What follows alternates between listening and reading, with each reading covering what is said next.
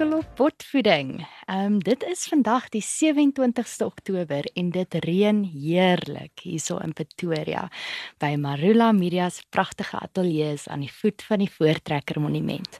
My naam is Charlotte Fourie en ons is in hierdie opwindende seisoen wat handel oor die toekoms van onderwys. En in vandag se episode en as as jy onlangs na episode, ek dink dit was 11 geluister het, sal jy weet ons het dalk nou 'n ekstra plooi by, maar ehm um, vandag praat ons oor die toekoms van assessering. En Johan Kokemoer, ons ehm um, gespreksleier en ook hoof van onderrig en leer by die Solidariteit Skoolondersteuningsentrum gesels met Hendrik de Kok. Um, en Hendrik, dit is 'n voorreg om jou hier te hê. Nou net so 'n bietjie vir die luisteraars wat nog nie vir Hendrik so goed ken soos ons nie. Hendrik is 'n wiskundeonderwyser en alhoewel hy nie meer elke dag in die klas is nie, bly hy in sy hart 'n wiskundeonderwyser.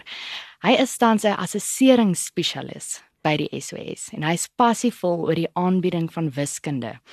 Um, en daarmee saam die ontwikkeling van probleemoplossingsstrategieë en van daar ook sy betrokkeheid by talle wiskunde olimpiades. Hendrik glo dat elke kind met die nodige hulp van onderwysers, ouers en medeleerders sukses kan behaal in wiskunde. En dan is assessering en evaluering nog 'n passie van Hendrik en dit is juis hoekom ons hom vandag vir hierdie interessante onderwerp genooi het. Assessering as 'n hulpmiddel om leerderpotensiaal te ontdek, te koester en te ontwikkel. En dan is daar ook nou nog 'n paar ander komplimente wat mense van Hendrik vir hom gee. Hy is seker die persoon met die meeste integriteit wat ek al ontmoet het. Hy is ook die nederigste mens wat ek al ontmoet het. Hy is 'n voorloper, 'n mentor vir talle van sy kollegas en dan nou bo-op dit alles het hy 'n string kinders en kleinkinders waarvoor hy baie lief is. Um en in wie se lewe hy net so 'n groot verskil maak. Ehm um, en natuurlik het ons vir Andrei ook in die agtergrond. Ons kan nie vir Andrei vergeet nie. In ons vorige episode wat ons ook aan assessering geraak het, het ek vergeet om vir Andrei welkom te sê. So, welkom Andrei, Johan en Hendrik. Baie dankie Charlotte. Dankie Hendrik. Ehm um, ek gaan afskop. Ek dink jy het alles genoem van Hendrik, maar ehm um, ek dink daai was voldoende. Want want Hendrik Hendrik self sal dit nie noem nie, maar so ek dink dink is goed dat jy dit genoem het. So baie dankie. Die eerste ding wat ek ehm um, oor gesels, ek dink die moeilikste ding van assessering vir my was uh, heel in die begin was hoe om dit te spel. Ehm um, ek dink dit vir die luisteraars daar buite nê. Assessering het 4 S'e. Um, nie almal langs mekaar nie. Nee, ja, definitief nie almal langs mekaar nie. En ehm um, dit het my rukkie gevat, maar na so 2 of 3 modererings het ehm um, ek toe uiteindelik dit reg gekry om assessering reg te spel. Maar dis net die, die die die doel van die dag nie. Ons gaan 'n bietjie gesels oor die toekoms van assessering en um, ek glo hierdie gesprek gaan sinvol wees in die uur vermoed ek gaan net te kort wees, maar dis al wat ons het. Hendrik, ek gaan die eerste vraag vra en ek het gister vir jou net so vinnig genoem, ek gaan dit dalk vra, maar ek wil dit graag vra. So kom ons sê in die toekoms is daar 'n uh, een of ander beweging en in hierdie beweging is daar 'n ministerie En een van die portefeuilles van hierdie ministerie is die minister van assessering. Ehm um, en jy word gevra om die rol te vul. Wat sal jy wat sal jy anders doen of wat sal jy doen? Um, wat sal jy wat sal een van jou eerste aksies wees as die minister van assessering? Ja, van my kant af ook net uh, baie dankie vir die geleentheid wat ek het om hier met met uh, julle te kom gesels. Uh Charlotte, dankie vir die mooi verwelkoming. Ek het myself amper nie herken. Gemeente kan dit sê. Nie. nee, terug hy.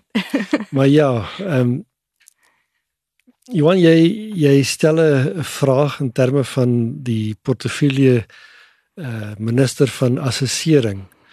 Ek hoop nie daar's ooit 'n uh, 'n minister van assessering nie want assessering is nie is nie daar as 'n as 'n doel op sigself nie. Hmm. Assessering is daar as 'n hulpmiddel om by ehm um, antwoorde uit te kom. So as ek as ek as jy 'n minister van assessering het, dan wil ek diewerster sê ek sal die die regterhand wees van die minister van onderwys. OK. Ehm um, en dan kan ons saamwerk om om iets spesiaals te kan bereik. Ek hoop jy gaan iets in daai lyn sê want ehm um, tans voel dit vir my of assessering 'n baie van bo na onder ding is waar bo besluit ehm um, dit is hoeveel toetse jy nou gaan doen en dis hoeveel informele assesserings jy gaan doen en dis die gewigte wat dit moet tel en dit is ehm um, waaruit daai vraestelling daar's daar kom verskriklik baie instruksies van bo af. Ehm um, en my gevoel is en dalk kan jy sê of dit my gevoel geregverdig is of nie is dat wanneer hierdie assesserings van bo af te veel gedikteer word dan verloor dit die die doel en die waarde van assessering. En jy, jy het nou genoem dat assessering self is nie 'n doel nie. Uh, is is nie ehm um, die eindpunt wat ons wil bereik en ons iets anders aan die ander kant. Ehm um, so so dink jy dit is meer 'n uh, van in Engels sou mens sê bottom up benadering of 'n so teenoor wat dit nou is 'n top down ding of is dit dalk 'n 'n hibrid tussen die twee? Um, hoe hoe hoe hoe is die ideaal? Ja, ek ek dink die die eerste woorde wat jy nou gespreek het, ehm um, het duidelik die gevoel van van die publiek buite geweerspieël dat hulle assessering gelykstel aan toetse. Mm. Nou ek dink dis die eerste fout wat mens maak om te sê assessering is toetse. Assessering is baie meer as toetse. Ehm um, daar kan baie verskillende vorms van assesserings wees. Ehm um, en as ons dan nou kyk na toetse, ja, daar is baie spesifieke voorskrifte waaraan voldoen moet word en ek dink dit is ook reg so. Ehm um, net vinnig om om te sê uh, dat toetse moet opgestel word sodat daar op verskillende uh kognitiewe vlakke getoets kan word en ek dink dis belangrik om daai voorskrifte te hê. Maar assessering is baie meer as net as net toetse. Ehm um, en dan moet mens kyk wat wat definieer mens onder assessering en wat val alles onder assessering in 'n in 'n skool uh program. Want as ek net tipies dink 'n skool het 'n assesseringsweek. Keer 'n kwartaal baie van die skole. Dan sit nou 'n week wat uitgeblok is vir assessering en dan in daai week skryf die kinders net toetse. En en dit wat jy nou vir my sê stry bietjie teenoor daai gedagte want dit is eintlik meer 'n toetsweek nê nee, as as assessering Correct, want ja. want hoe ek dit verstaan en jy kan nou dalk bietjie daarop uitbrei maar assessering is 'n deurlopende ding is 'n is nie 'n ding wat wat net uh, wat diskreet is wat net in die begin van die jaar of aan die einde van die jaar of in die middel van die jaar gebeur dis eintlik iets wat deurlopend moet gebeur Ja, kom ons kyk bietjie na na verskillende soorte van assessering want ek dink dis belangrik om om te onderskei tussen tussen die soorte assessering want dan gaan mens sien waar kom die deurlopendheid van van assessering in. Nou, ehm um, 'n toets is is tipies 'n 'n summatiewe assessering.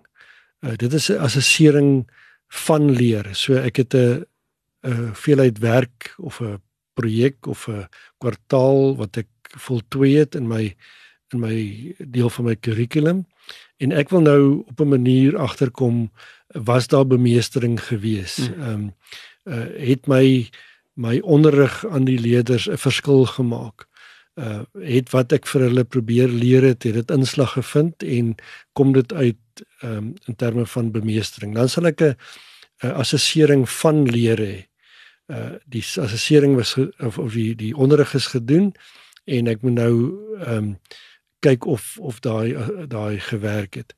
Maar deurlopend is ek besig om om partykeer informeel, ander keer meer formeel, maar ook 'n uh, assessering vir leer te doen.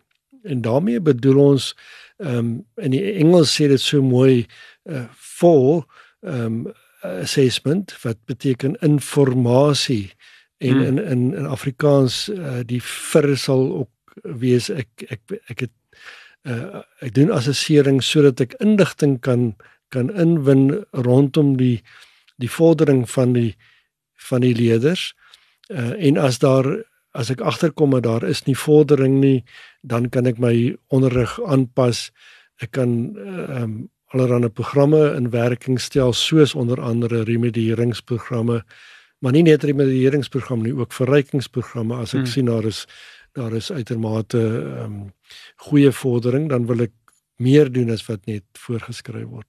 En dan dan is dit 'n 'n proses wat eh, sodra ek ehm um, iets optel, het sy informeel, formeel, uh, dan kan ek 'n aanpassing maak en ek kan met daai inligting wat ek het, kan ek kan ek 'n beter ehm um, onderrig gee. So dit is assessering vir leer.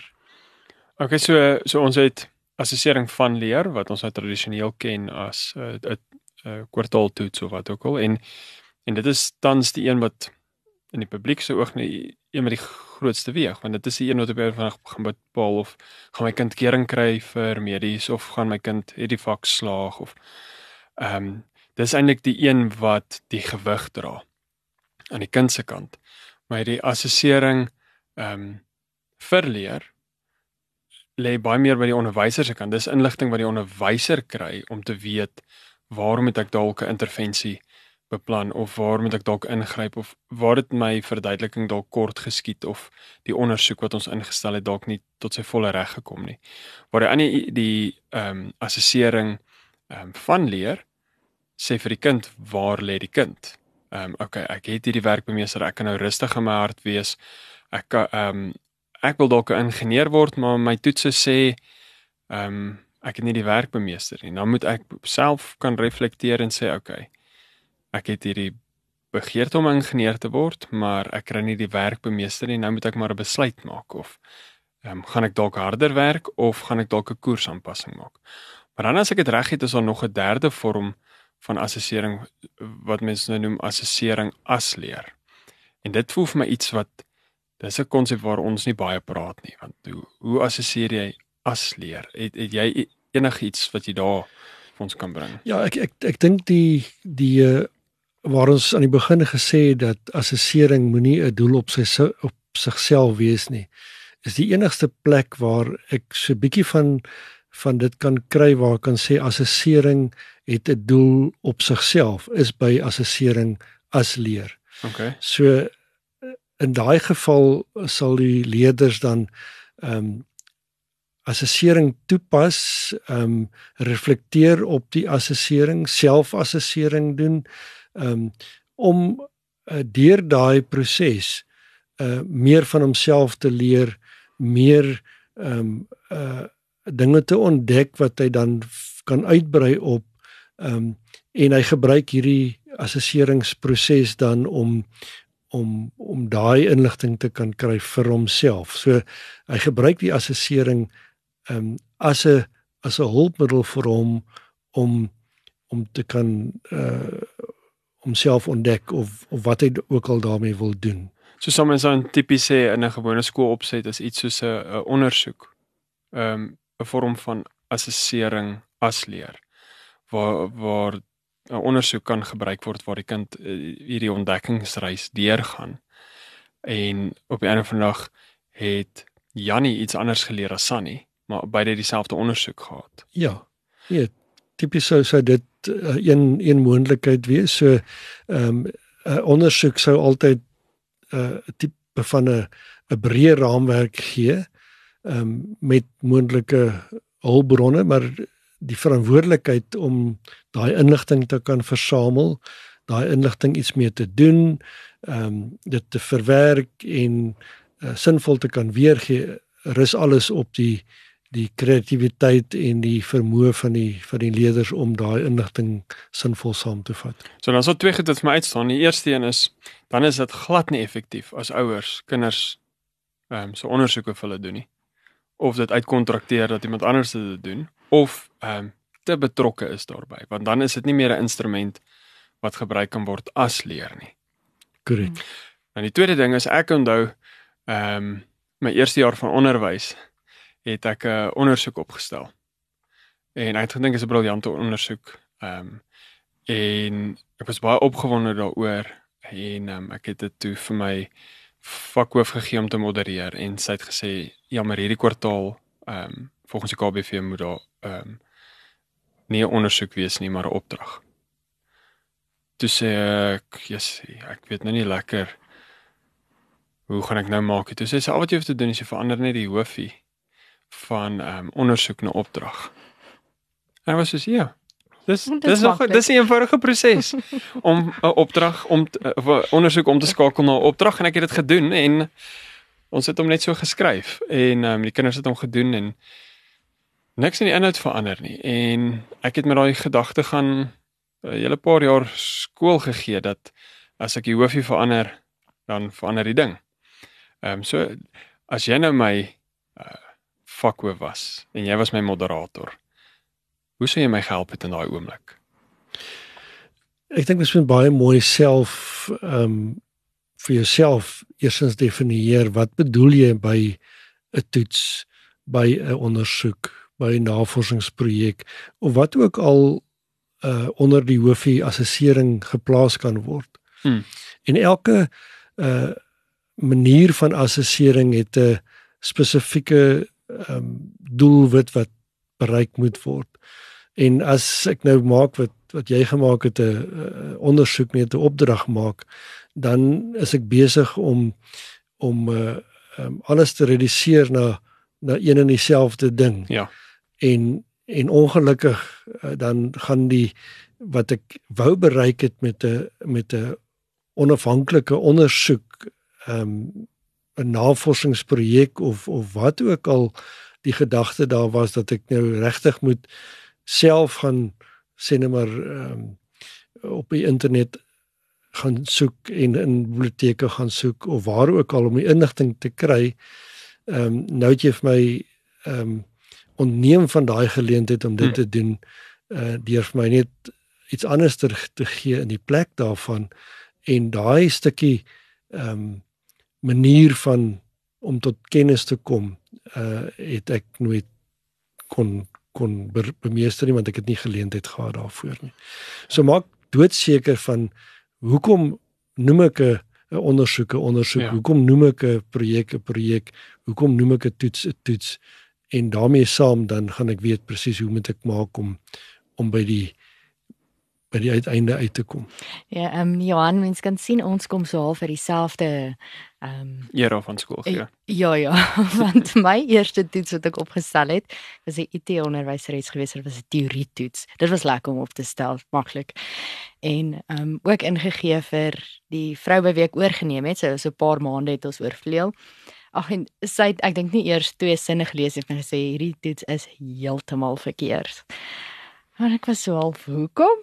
Sy sê nee, ehm um, gaan kyk net bietjie na die formaat en ek sê maar wat bedoel jy wat wat is die vereistes vir die formaat ek is nou nie seker nie sê nee ek moet net 'n uh, ou graad 12 vraestel gaan aflaai van die internet af en dan gebruik ek hom as 'n template vir my opskrifte en so aan en dan voeg ek nou net hierdie was nou nogal so graad 10 toets gewees dan Hmm. voeg ek nou net die graad 10 se werk daarin en toe sê sy okay en hier is 'n Excel dan moet ek nou so sit met Bloom se taksonomie langs my dan kyk ek net wat is die woord wat ek gebruik het in die vraag het ek gesê noem en dan kyk ek waar val die in die woordebank in van Bloom noem en dan skryf ek nou 'n enetjie en dan maak ek net seker hierdie werk uit um, want hierdie blad blad gaan Dis net doen saam- verander in die werkwoord. saam en ja ja ja dan verander jy net die woord sodat hy nou net inpas by die die verhouding Hmm. wat die toets nou moet wees en ek het toe nou nogal gedink ja hier is nou baie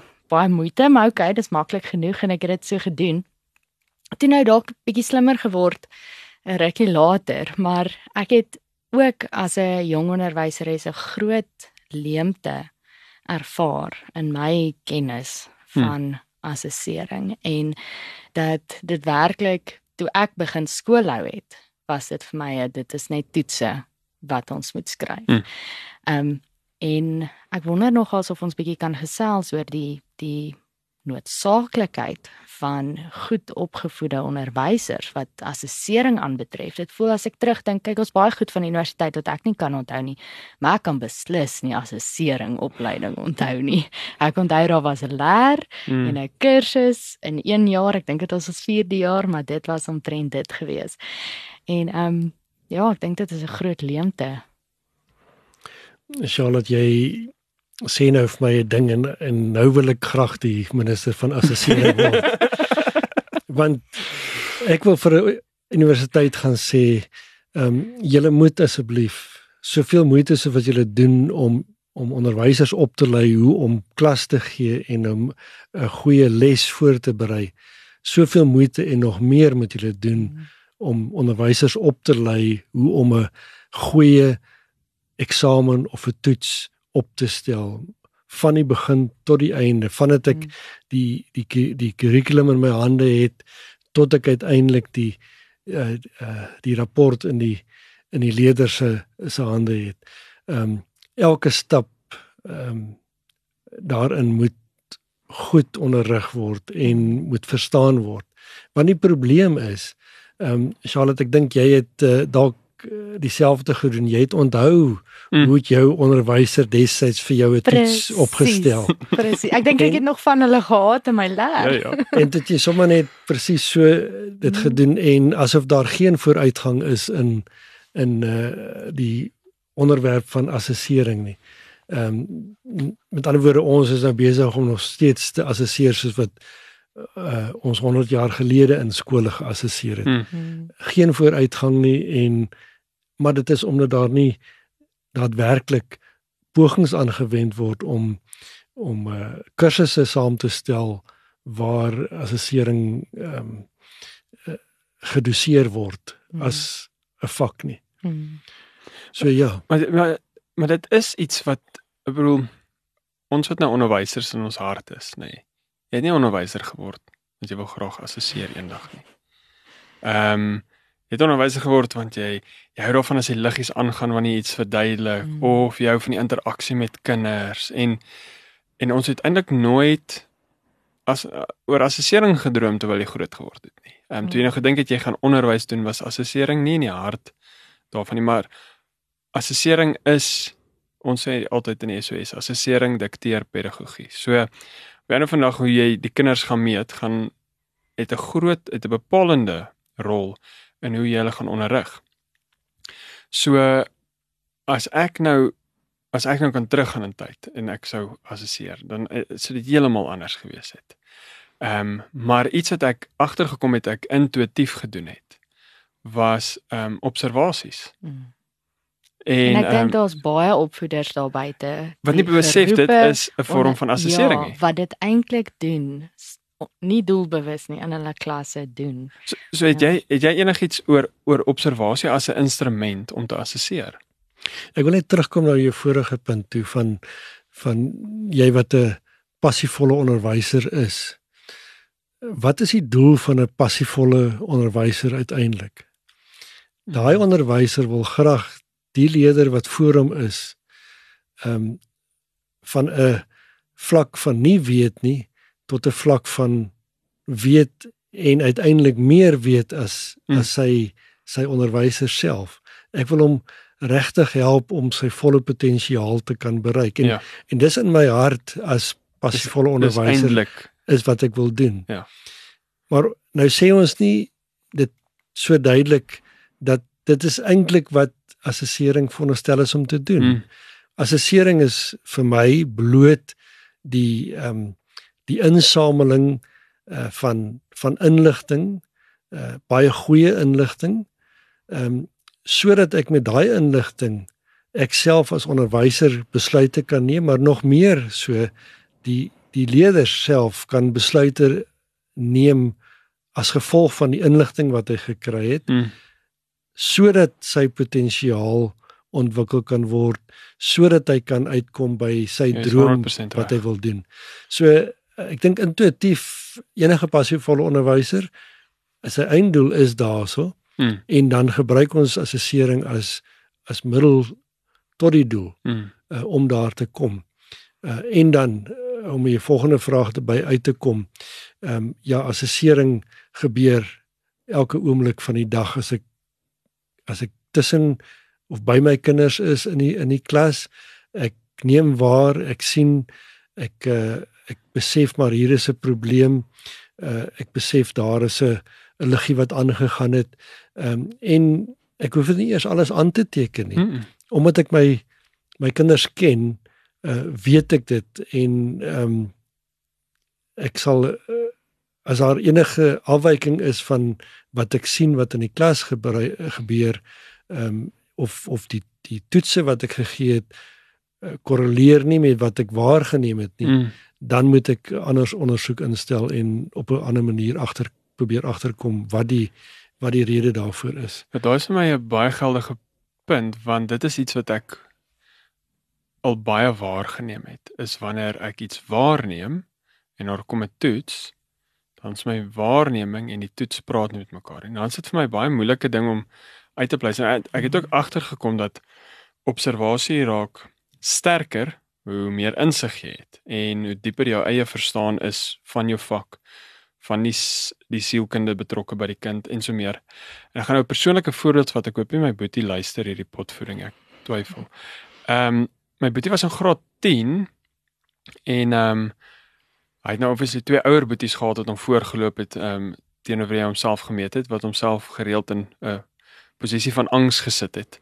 Ehm um, want beide sy ouer boeties het was wiskunde liefhebbers en hy, hy moes hy uit 10 teen 1 vir homself daai standaard ook daar gesit. En ehm um, hy het einde graad 10 uh, 19% gehad vir wiskunde. En my ouers het my gebel en so so. Nee, die skool sê hy moet nou wiskunde geletterdheid vat. Ek sê vir hulle nee. Ehm um, eers die skool gesê hy moet op Ritalin gaan en toe die volgende toe my ouers dit net weier toe die volgende okay nee, maar dan moet hy geletterdheid toe gaan. En ek sê vir my ouers dit maak nie sin nie want wanneer ek met hom hy daai tyd was hy op skool ek was 'n uh, student en het hy vakansies by my kom kuier. En dan het ek en hy gepraat oor wiskunde. En sy vlak van insig was verstommend vir sy ouderdom. Maar wanneer dit kom by 'n toets, kon hy dit nie hy hy kon nie daai bewys in 'n toets lewer dat hy het insig nie. Maar nou het ek dit geobserveer. So nou weet ek die toets se uitslae is nie realiteit of 'n weerspieëling van dit wat ek al gesien het nie. En ek kon my ouers oortuig. Ons het nou gesukkel om die skool te oortuig. En ehm um, uit die aard van die van my werk het ek toe vir hulle ook raad gegee en ehm um, vir hulle gesê skool mag nie jou net my boetie skuif nie. Sê hulle nee, maar die skool het gesê jy moet. Sê die skool het nie daai hulle het hulle het nie daai mag nie. En ehm um, deurgesit en ek het ook toe vir hulle gesê hulle mag hom deursit want daar is sulke gaatjies en ehm um, en ek het toe met my broer daai Desember vakansie gewerk en vir hom verduidelik ehm um, dat in 'n eindeksamen is daar nie ruimte die ruimte is nie daar om te wys wat jy alles nog weet nie. Verstaan, dis dis nie die plek waar jy dis nie 'n ondersoek nie. Hierdie is nie 'n dis nie 'n stukkie filosofie wat jy nou jy moet net kan weer daar weergee wat jy geleer het want dit is assessering van leer. He, kan jy hierdie tipe som doen ja of nee? Nee, kan jy meer as dit doen of kan jy dit doen op 'n korter manier of kan jy dit doen op niks sulke ding nie. Want my wiskunde vir dit so vir, vir my geleer, maar in 'n geval. En hy's vandag finale jaar ingenieurstudent. En as daar nie iemand was wat daai potensiaal van hom waargeneem het nie. Sou hy vandag iets heeltemal anders doen het waarvoor hy geen liefde het nie. En dit is vir my, dis vir my 'n ding in assessering wat ek dink ons verskriklik onbenut weens ons onderwysers se werklading is die die kwaliteit van observasie. Want jy moet die kurrikulum klaarmaak en so meer. En um, ek was in 2017 in Utrecht en ek sit daar met 'n graad 12 ehm um, Deense onder um, onderwyseres en ek ons gesels oor eindeksamen. Ek en 'n ander kollega en sy sit ook daar. En sy sê sy verstaan nie lekker wat ons bedoel met 'n eindeksamen nie. En ons sê nee, dis die eksamen aan die einde van die jaar om te kan sê of 'n kind deur is of nie. Sy so sy sê maar so, hoekom sê die eksamen of 'n kind deur is of nie? Is dit nie die onderwyser wat moet sê nie? Soos maar, hoe bedoel jy nou? Sy sê wel, het hulle nie 'n exit eksamen, hulle het 'n onderhoud. En sy voer met haar graad 12 leerders 'n onderhoud en dan as sy as professionele persoon sê dan hierdie kind is reg of hierdie kind is nie reg nie. En dit was nou vir my interessant. En dan nog een voorbeeld van een van my beste vriende uit um sy finale jaar ingenieurs het hy um eerste geleentheid gedryp, tweede geleentheid gedryp. Maar nou is dit finale jaar, so die die universiteit moet hierdie ou net deurkry, nê, nee, want dit reflekteer sleg op hulle as hy dryp. So gee hom toe 'n derde geleentheid om te skryf. Hy dryp dit toe weer. En toe iemand in daai departement besluit, kom ons voer 'n onderhoud met hierdie persoon as 'n finale eksamen. En hy het sy onderhoud met lof geslaag en hy's vandag 'n praktiserende ingenieur. Maar hy kon nie die eksamen skryf om weer te gee wat ehm um, wat hy weet nie. Hy het later uitgevind hy het disleksie en hy het klomp ander uitdagings wat ons in die platteland het nou nie groot geword met dit nie soos hy in Pretoria groot geword het het dit daar 10 10 jaar vroeër agtergekom. So dit is nou 'n uh, baie lang ehm um, insette om eintlik te te vra is is dit altyd moontlik om met toetse ehm um, 'n kind se potensiaal te sien en is daar ander maniere om dit ook te sien en en hoe kan ons kry dat hierdie twee amper ek wil nie sê dieselfde gewig dra nie maar dat dit gebalanseerde gewig dra dat Ja, dat 'n onderwy wat- onderwyser se observasie Ja. ook 'n geldige professionele inset is. dat die rapport nie net die toetspunt weerspieël nie, maar ook die observasie, die die ander dele want op die ouende is hierdie papiertjie al wat wat dan nou gebruik ja. word om te bepaal Maar dis dis ook nie noodwendig die volle prentjie nie. ja, ja. Ja, Ek ek hoor twee dinge wat jy sê Johan. Die een is dat die daar 'n gebrekkige insig is van die potensiaal van die van die leier wat ons voor ons het. mm -hmm. En die tweede ding wat ek hoor is 'n gebrek aan 'n manier om uit te vind wat die probleem is. okay. Nou in die eerste plek dink ek ehm um, is dit baie belangrik dat dat die onderwyser uh, so betrokke sal wees by sy kinders in die klas dat hy 'n probleem dadelik kan raak sien. Hmm. Die tweede ding is as daar 'n probleem raak gesien word, dan moet ek gaan ehm um, regtig inkyk in daai probleem om te sien wat die probleem is. En dan is daar maniere om dit te doen, soos byvoorbeeld 'n 'n diagnostiese toets wat ek sal opstel as kom ons kom ons vat die voorbeeld van wiskunde.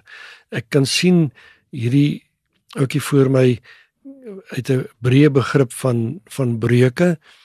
Hy kan breuke optel, hy kan breuke aftrek. Hy het 'n hy het 'n probleem of 'n kom ons sê 'n blok om om breuke met mekaar te deel. Nou kan ek 'n baie spesifieke diagnostiese toets ontwerp wat ehm um, omlei in die in die in die terme of in terme van die uh, deling van breuke ek begin baie maklik en dit gaan bietjie moeiliker en ek kom agter maar hy het 'n spesifieke rede hoekom hy sukkel met met die met die deel van breuke in Hmm. mekaar. As ek daai probleem aanspreek met een of ander remedieringsprogram of intervensie eh, ek moet dit doen want anderster was dit sin sinneloos Ja, ja. geweest om om daai ehm um, assessering te doen. Doen ek dit dan het ek inligting wat ek kan gebruik om om wat herstel moet word te herstel. En as ek dit eers as as onderwyser herstel het, dan is die die leier weer daar om om verby daai wat hy verkeerd gekry het of nie verstaan het nie, verby dit te werk en uiteindelik dan uh, te vorder tot tot wat hy in staat is of, of as ons dan dit noem sy sy potensiaal. En ehm um, Andrei Andrei wil nou daar by jou aansluit en hy vra is dit nie nou waar die kuns van assessering inkom nie. Ehm um, ons het al bietjie gepraat hmm. oor assessering as 'n kunsvorm. En dit dit, dit is eintlik so lekker as mens as mens die die waarde van iets en die die impak van iets werklik sien dan is dit mooi. Ons het gere, ons het gereeld al gepraat oor die die in verwondering staan tot die goeie, die ware en die skone. En assessering kan ook skoon wees. Dit Hm. kan ook mooi wees. Dit kan 'n kunsvorm moet wees. soos wat ek Dit nou moet, luister. Ja. Nee, dit is nie 'n kans Dit oor gaan hier en hier die moet, dit moet. dit gaan mooi wees, ja. Jy uh jy het aan die begin genoem ek het 'n passie vir assessering. Hmm. Ehm um, om te kan assesseer uh het ek nodig om baie kreatief te dink.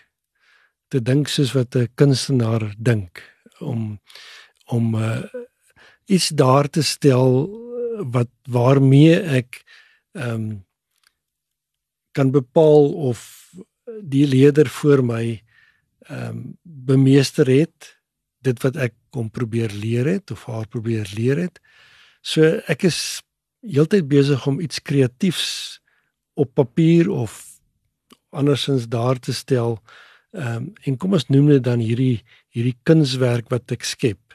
En ek en 'n kunswerk word nie net sommer oornag geskep nie. Dit word word beplan en en en en goed uitgedink en dan en geskaaf en geskaaf ook ja hmm. dan so met ander woorde ek het kollegas nodig wat my hmm. kan help om te modereer en seker te maak dat hierdie die absolute uh perfekte Mona Lisa van hmm. van assessering is. Ehm um, waar ek dan hierdie hierdie kunswerk werk kan waardeer en die en die waarde vir my daar jy het gepraat van die waarde Charlotte die waarde vir my lê daarin dat dit uitkom by die leerpotensiaal. Hmm. Dit gaan die waarde wees. So hoe hoe beter hierdie assesserings ehm um, instrumente is wat wat ek daar gestel het, hoe meer perfek hy is, hoe beter gaan ek uiteindelik kom by die leier se potensiaal wat ons eintlike doel is in in enige hmm. skool opset. En en ek kan nou net dink as ek ehm um, as ek toegang gehad het sê net maar terwyl ek skool gehad tot iemand soos jy en ek het die voorreg gehad om jou kunswerke van assessering te aanskou. Ehm um, dit is die krag van wanneer jy jou jou werke kuns maak is dit dit inspireer ander om ook so te wees om ook hulle potensiaal te ontsluit. En ek dink dit is dit is iets waar ons as onderwysers uiteindelik teenoor mekaar verskuldig is is om van ons werk nie net ons het nou al sport 'n redelike kunswerk gemaak veral in Pretoria. Ehm um, die die afrigters wil bymekaar leer, hulle wil hoor wat se nuwe tegnieke het jy, hoe het jy dit reg gekry om jou span mm. daai vaardighede te leer, hoe het jy dit reg gekry om hulle um, in daai goeie gesonde geestestoestand te hou oor die hele seisoen. En en daar's hierdie gons, um, daar's seminare en daar's webinare en daar's werkwinkels op Saterdae wat die wat hierdie onderwysers bywoon. Ehm um, is ongelooflik. Hulle kry kundigheid van buite af. En nou die dag by een van die laerskole was Jake White ge, het gegaan en hy het hy het die afrigters gaan ehm um, gaan ontwikkel om hulle te help. En nou nou dink ek myself, "Jessie, dit is eintlik vir die konteks van daai sport is dit wonderlik." En en dit maak sin hoekom ons van die beste is in die wêreld wanneer dit kom by sekere sportsoorte. En nou dink mens, nou het Hendrik 'n assessering kursus wat hy aanbied ehm um, sien hom op 'n donderdag en dan is die hele Pretoria se onderwysers nie daar nie. Hmm. En dan vra ek jy kan nie van jou werk 'n kunsvorm maak as jy nie bereid is om jou 10000 ure in te sit nie. Ehm um, ek ek kan nie dink dit is moontlik nie. Korrek. Ehm um, soos wat jy verantwoordelikheid het teenoor jou mede-kollegas om hulle te help om om om ook hulle assessering op 'n hoë vlak te kry het jy verseker 'n uh, verantwoordelikheid teenoor die leerders voor jou in die klas om seker te maak dat jy die beste assessering daarstel. Mm. En en en dan wil ek net vinnig uh, so bietjie raak aan aan hoe werke dit om 'n assesseringsinstrument uh, en as as ons praat van 'n assesseringsinstrument kom ons beperk onsself tot 'n uh, 'n summatiewe instrument met hmm. ander woorde 'n toets of 'n eksamen. Hoe werk dit om so 'n 'n toets dan op te stel? Nou in die eerste plek is dit belangrik dat ek dat ek gaan kyk na wat die inhoud is wat ek wil wil toets. Ehm um, my ehm um, ons praat altyd van ehm um, my assessering het het uh, is moet geldig wees en moet betroubaar wees. Hmm. Nou net so vinnig um, om te sê 'n toets is geldig, dan dan vra die mense maar wat beteken dit as 'n as ek sê 'n toets is geldig? Dan dan dink ek onwillekeurig aan wat sou jy definieer uh, in terme van 'n van 'n motorkar? Wanneer is 'n 'n motorkar 'n geldige motorkar?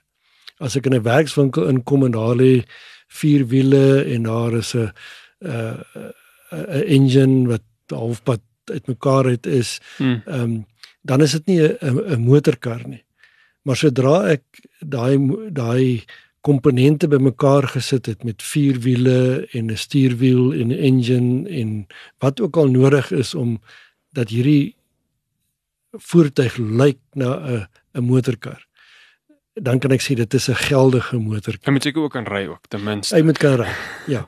So maar maar maar dan dan kom ek meer by die betroubaarheid. Maar kom ons sê O, o, kom ons okay. sê die dis die dis die dit is die instrument, hy's geldig. So hy's hy's vir die doel waarvoor hy gemaak is, gaan hy werk. As Mm. ek 'n 'n toets wil opstel, dan moet hy inhoudsgeldigheid hê. Met ander woorde, hy moet voldoen aan aan daai bepaalde deel van die kurrikulum wat ek wou getoets het en die inhoud moet getoets word. Ek kan nie ek kan nie nou ehm um, sê ek het 'n 'n meetkunde toets maar daar's net 'n klomp breuke in die in die toets nie. Hy moet hy moet geldig wees vir die vir Hmm. die doel.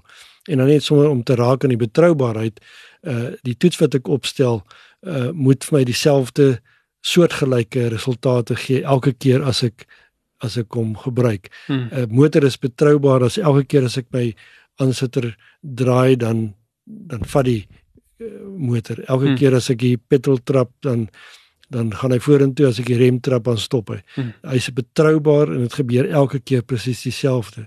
So moet my my toets dan ook betroubaar wees uiteindelik dat dat hy nie nou vir hierdie uh, geleentheid 'n uh, 'n uh, uh, uh, antwoord gee wat baie verskil van 'n van 'n Hmm. volgende.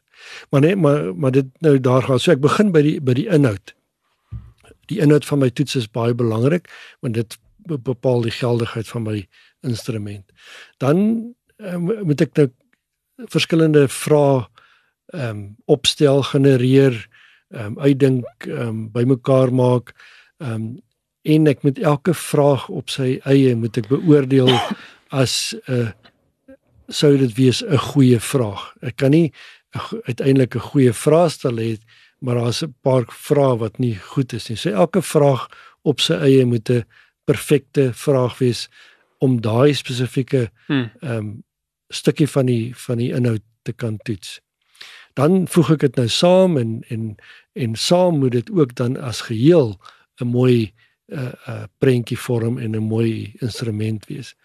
Maar nou stel ek 'n vraestel op en ek uh, werk die memorandum uit en en ek is tevrede dat dit nou 'n 'n baie perfekte vraestel is. Hmm.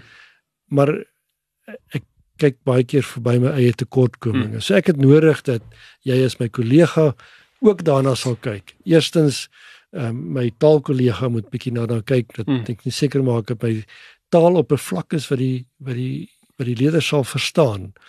Ehm um, en kan kan uitvoer. Uh selfs die wiskunde wat die die taal wat in die wiskunde vraestel gevra word moet op so 'n vlak wees dat die die taal nie 'n 'n 'n 'n hindernis is vir die leerder Ja, want jy wil nie die taal toets nie. ek wil nie die taal toets nie. Okay.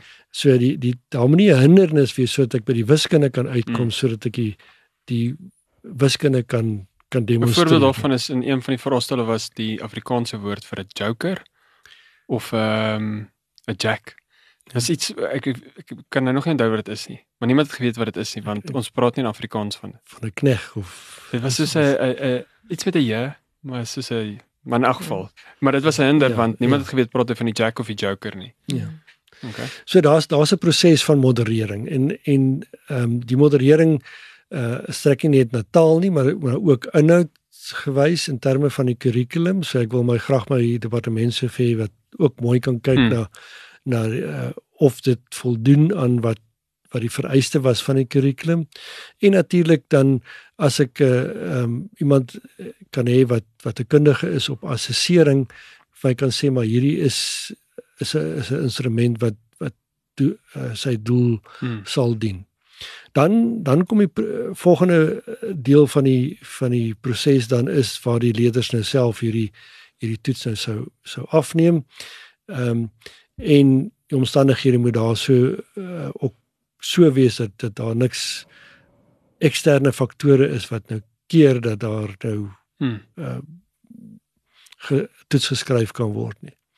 Dan word die toets gemerk en baie keer dan dan is die onderwyser so verlig dat uiteindelik hierdie proses klaar is dat hy die die uh, uitslag kan bekend maak en dan stop stop die proses. Ja. Maar dit is nie dit is nie waar ons Assessering nog nie klaar dan nie. ons toets is klaar. o- die toets is klaar. Die uh, inligting is versamel en die en die data is daarso. Ons kan soveel meer maak met met daai inligting en wat ons moet maak. Hmm. Want dan dan kan ons teruggaan na die na die leerder toe. Ons kan kan die die toets vir hom gee of of haar gee. Hulle kan terugkom na ons toe. Hulle kan uh ehm um, onduidelikhede wat hulle nie verstaan het nie kan hulle uitsorteer. Dinge wat, wat hulle nie verstaan het van hoe dit gemerk is nie kan ons uitsorteer. Ons kan leemtes identifiseer waar daar nog geherleer moet word of geremedieer moet word. Hmm. Uh al daai prosesse kan dan in 'n wisselwerking tussen die die onderwyser en die leerder gebeur. Ons moet altyd ook die die ouer intrek by daai proses want Hmm. die ouer moet ook verstaan uh, as daar 'n uh, uh, onduidelikheid of 'n probleem is dat wat hulle rol dan is om hierdie leerder hierdie kind van hulle te kan ondersteun uh, in die proses uiteindelik weer eens om by daai leerder se se volle potensiaal te kom. My punt is hierso die proses van waar ek begin ehm um, identifiseer dat ek moet 'n 'n toets opstel tot en met wanneer die die uiteindelike punte uh, gereed is en die die proses daarna gevolg het waar ons nou kon praat oor Hmm. hierdie toets is 'n baie lang proses. En dit moet deel vorm van van ons hele uh program in die skool.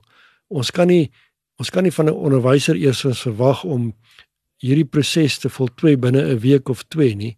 Ons kan ook nie verwag van 'n moderator om vinnig genoeg sinvol terugvoer te gee nie.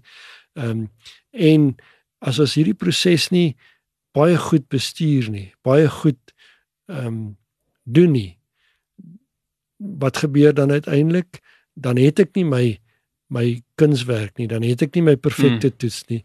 Dan neem ek besluite wat tot nadeel van die van die leerder is wat nie sy volle potensiaal demonstreer nie Hmm. wat uiteindelik kan lei tot verkeerde besluite in terme van toekoms en en en werk en beroep en Ja, of jy gebruik dalk 'n buurskool se se kunswerk wat hulle geskep het. Al dan nou nie. Sit hom in die fotostaatmasjien en rol af. op die Facebook groepie. Ek meen dit is dit dit, dit is baie moeilik die getal summatiewe assesserings wat in veral in graad 10 tot 12 moet gebeur wat voorgeskryf is druk met nou nog die kurrikulum waardeur die onderwysers probeer ja maak dit amper ek dink as ek nou onderwyser was nou hierna geluister het. Soos, Ja, dis onmoontlik. Jy kan nou sê die proses is so lank, maar teen die tyd wat jy net met die een proses begin het, moes jy al met die volgende summatiewe mm. of die volgende toets begin het in die proses want dis net hoeveel daar is waardeur jy moet werk en ehm um, die ja, Andre vra nou nogals kan kan hierdie proses nie dalk 'n bietjie korter wees as dit saam gedoen word nie as daar 'n gesamentlike ontwerp is van assessering nie. Ofwel ja, summatiewe assessering spesifiek. Nou formatief ook maar. Ja, ek ek ek dink ehm um, soos wat wat onderrig in 'n skool 'n uh, spanpoging is. Hmm. Uh moet en kan assessering ook 'n spanpoging wees. Hmm. Ehm um, ehm um, sal dit dit genoem van die buurskool se se Hmm. vraestel. Die die ek wil net 'n baie ernstige gevaar daar uitwys as ek nou so 3 of 4 buurskole se vraestelle bymekaar sit en ek haal 'n paar vrae daar uit sonder om hulle mooi te ontleed, Hmm. dan kan ek opeindig deur al die hoë kognitiewe moeilike vrae in een vraestel te hê Hmm. en ehm um, Skep 'n beeld. dit gaan vir skiewe beeld Hmm. mm. vir my gee. So uh, as ek praat van samewerking, dan wil ek nie my vraestel vir jou gee dat jy hom ook kan gebruik nie. Ek wil Hmm. saam met jou om 'n tafel sit en Hmm. ons sê, "Goed, ons moet 'n vraestel opstel. Uh, dit is op die moeilikheidsvlak wat ek wat ek wil 'n vraestel opstel. Ek moet die kognitiewe vlakke dek uh, soos wat voorgeskryf is in terme van van soveel persentasie uh lae kognitiewe vlakke, soveel persentasie middelkognitiewe Hmm. vlakke hmm. en soveel persentasie hoë kognitiewe vlakke uh wil ons doen en en hoe kan ons dit dit doen? Um, net om om om om iets te sê oor kognitiewe vlakke. My probleem ook ehm um, is dat as mens 'n uh, 'n vraestel sou opstel net op die lae kognitiewe vlak, uh, sê maar op die kennis en die teorie vlak, dan kan die die leerders baie goed Hmm. al die teorie vir ons weergee, al die stellings ken hulle uit hulle kop uit, al die definisies, ehm uh, alles wat wat met teorie te doen het, kan hulle vir ons 100% weergee. Maar as hulle enige iets moet toepas, as hulle enige iets moet kom demonstreer van wat hulle eintlike vermoë is, as dan nie vra is om dit te demonstreer, nie, dan kan hulle dit nie doen nie. Hmm. Ehm um, en dan weet ek nie wat Ja, dan kry 'n kind 'n wanindruk van sy eie vermoë ook. Want want al hierdie teorie toetsies sê vir hom heeltyd dis 'n 90%er. En dan kom daar 'n toets waar hy ehm um, konseptueel iets moet uitpak en en dan kan hy dit nie doen nie. Hmm. Ehm um, so as ek nou so na jou luister oor hierdie assessering aan die een kant maak dit my baie opgewonde, aan die ander kant ook so bietjie benoud oor ehm um, die omvang om daai kunswerk daar neer te sit. Ehm um, en, en mens as mens 'n bietjie in retrospek dink, dan maak dit sin want enige kunswerk is ons kunswerke wat dekades geneem het om af te handel. Um, ons kan net hierdie voortrekker monument waarby ons Mhm. nou sit, nê. Nee. Ehm um, was nie net gou-gou gebou en dis dit klaar nie. Ehm um, en en ek hoor reeds onderwysers wat sê ja, daar is nie tyd nie en en en. En, en nou dink ek in terme van tegnologie. Ehm um, watter rol kan tegnologie speel om hierdie hierdie proses of ehm um, meer effektief te maak of bietjie uh, meer wat sê ons woord vaartbelyn. Ehm um, Dis nou streamline. ja. die Ehm um, want ek, ek dink byvoorbeeld sê nou maar ek en Charlotte en Andre baie keer werk is ons werk um, op een lewendige dokument op die internet. En dan lewer ons kommentaar lewendig op daardie dokument. En so maak jy die proses wat dit gewoonlik sou geneem het om 'n dokument af te handel wat gewoonlik sê maar 2 maande sou wees kry jy nou af na 6 weke toe. Ehm um, want is in in lewendige tyd waar so gewone ehm um, moderasieproses ehm um, en die opstel van die assessering ensovoorts binne 'n skool is 'n baie lineêre proses waar jy stel hom op en in my tyd moes jy hom dan gaan uitdruk het. Hmm. Dan druk jy hom uit en dan hoop jy daar is 'n oomblik in daardie dag wat jy en daai onderwyser dieselfde tyd niks doen sodat jy net vir haar kan gee. Ehm um, want dan maak jy afspraak twee dan sê so ek nee wag ek het net paal kom ons kan ek dit want jy kan dit nie iewers los nie want in ons skoolbeleid is dit daai vraestel mag nie iewers gelos word nie. Goed, en nou kry jy uiteindelik jou tyd. Nou gee dit vir haar. Ehm um, sy gaan dit met 'n groen pen. Dit was ons beleid. Die eerste moderasie is met 'n groen pen. Ehm um, en dan gee sy nou vir goedjies en dan soek jy nou weer tyd gee waar sy dit kan teruggee. Nou moet jy dit daai veranderinge gaan aanbring van die fisiese dokument na die elektroniese dokument. Ehm um, en dan weer terugstuur dat sy dit kan afteken. So dan op die einde van die dag is hierdie proses baie lank. Ehm um, dink jy tegnologie gaan in die toekoms 'n sterker rol speel om assessering meer effektief te maak? Ek sê nie makliker en vinniger nie, want mense wil nie gehalte inboet nie. Um, maar meer effektief. Ek dink ons moet verseker tegnologie beskou as ons vriend. Mm. Ehm um, so waar ook al mens tegnologie kan inspann. Ehm um, enerzijds om vraestelle sinvol op te stel in 'n in 'n span, uh, is dit belangrik, maar ook tegnologie inspann om om assesserings te kan doen.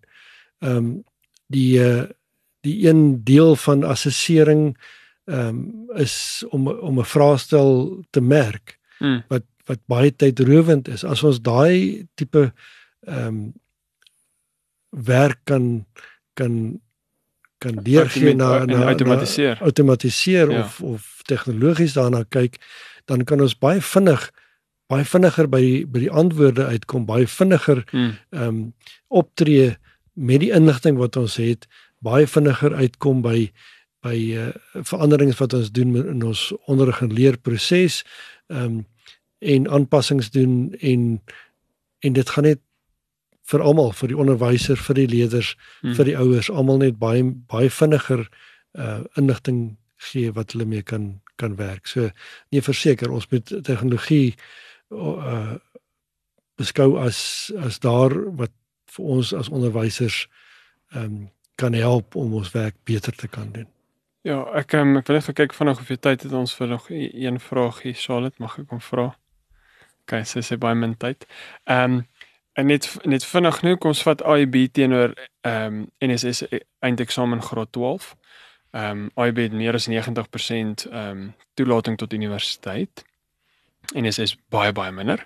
Ehm um, en met die IB kinders 50% van hulle wat universiteit toe gaan, maak hulle graad binne die beperkte tyd klaar teenoor NSS kinders ehm um, 2%.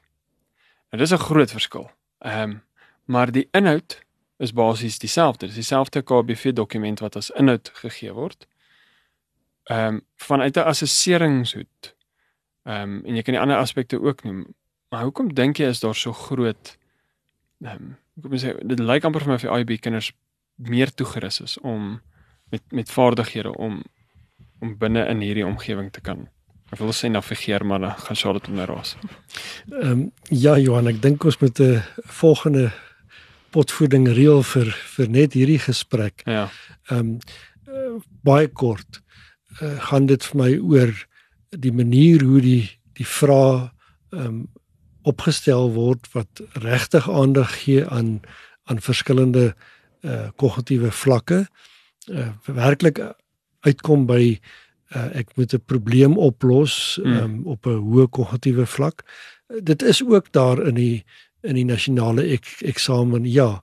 Maar om daai daai vrae te kan beantwoord, het ek nodig om vooraf uh, voorberei te uh, word vir daai tipe vrae. Hmm. Ehm um, so dit gaan uiteindelik oor vir my oor die onderrig en leer wat plaasgevind het voor die eksamen, nie die eksamen as sulks nie. Hmm. So die manier hoe geonderrig word uh waar ek die die leerders gehelp het om om self te te werk, self te ontdek, self te te ehm um, Dink te dink en voor te berei ehm um, as dit net 'n weerspieëling is van van hoe die leerder uh, gevorder het uh, in die eindeksamen dan sou daai daai selfde IB leerder sou in 'n nasionale eksamen dieselfde of beter gedoen het. hmm. Ehm um, maar dis nie die punt nie. Uiteindelik die sukses op universiteit het te doen met hoe ek ehm um, geleer het en hoe ek daai die manier hoe ek my my kennis kan weergee en be, bemeestering bewys Hmm. uh in daai proses. ons gaan definitief nog 'n posvoeding Ons materiaal. gaan beslis Hendrik, hou my jou kalender oop hier aan die einde van die jaar. Ehm um, ja, ons het nou gesê ons gaan gesels oor die toekoms van assessering en dalk moet ons die onderwerp van hierdie episode verander na die toekoms van kuns. Die dit is Die kuns van assessering. Ek die kuns van assessering. Ek het 'n rukkie terug toe vertel ek vir vir um, my familielede van die opwindende dinge waarmee ons besig is oor die toekoms van onderwys en um, ons het begin praat oor toetse en eksamens en ek het sommer net so klip in die bos gegooi en gesê nee, dit gaan alles wegval. en almal was so of Ja, okay. Ehm, um, maar hoe gaan ons weet of die kinders universiteit toe kan gaan? En ag, dit was maar net so 'n grappie geweest en ek hoop regtig dat die toekoms van assessering is werklik daar vir vir opvoeders om die impak van hulle onderrig en leer te meet. Dr. Celia het in ons vorige episode wat hierby aansluit gesê dat assessering is die hart van onderrig en leer en die die hart en die voete is tog nie twee aparte elemente wat apart kan funksioneer nie. Hulle is op die einde een um, wat dieselfde doel bereik en Impak meet en potensiaal ontsluit. impak meet en potensiaal ontsluit. Die toekoms van assessering. En ongelukkig is dit dan nou weer die einde van nog 'n episode van Potvoeding in hierdie baie interessante seisoen 2. Soek ons op Google Podcast, iTunes, Spotify, YouTube, Stitcher en skole.co.za of stuur vir Johan 'n e-pos Johan by skole.co.za. Hy begin deesdae baie potvoering e-posse kry. So hou aan stuur en dan gesels jy saam. Dink saam, praat saam en doen saam, want saam kan ons die blink toekoms van Christelike Afrikaanse onderwys in Suid-Afrika verseker. Tot volgende keer.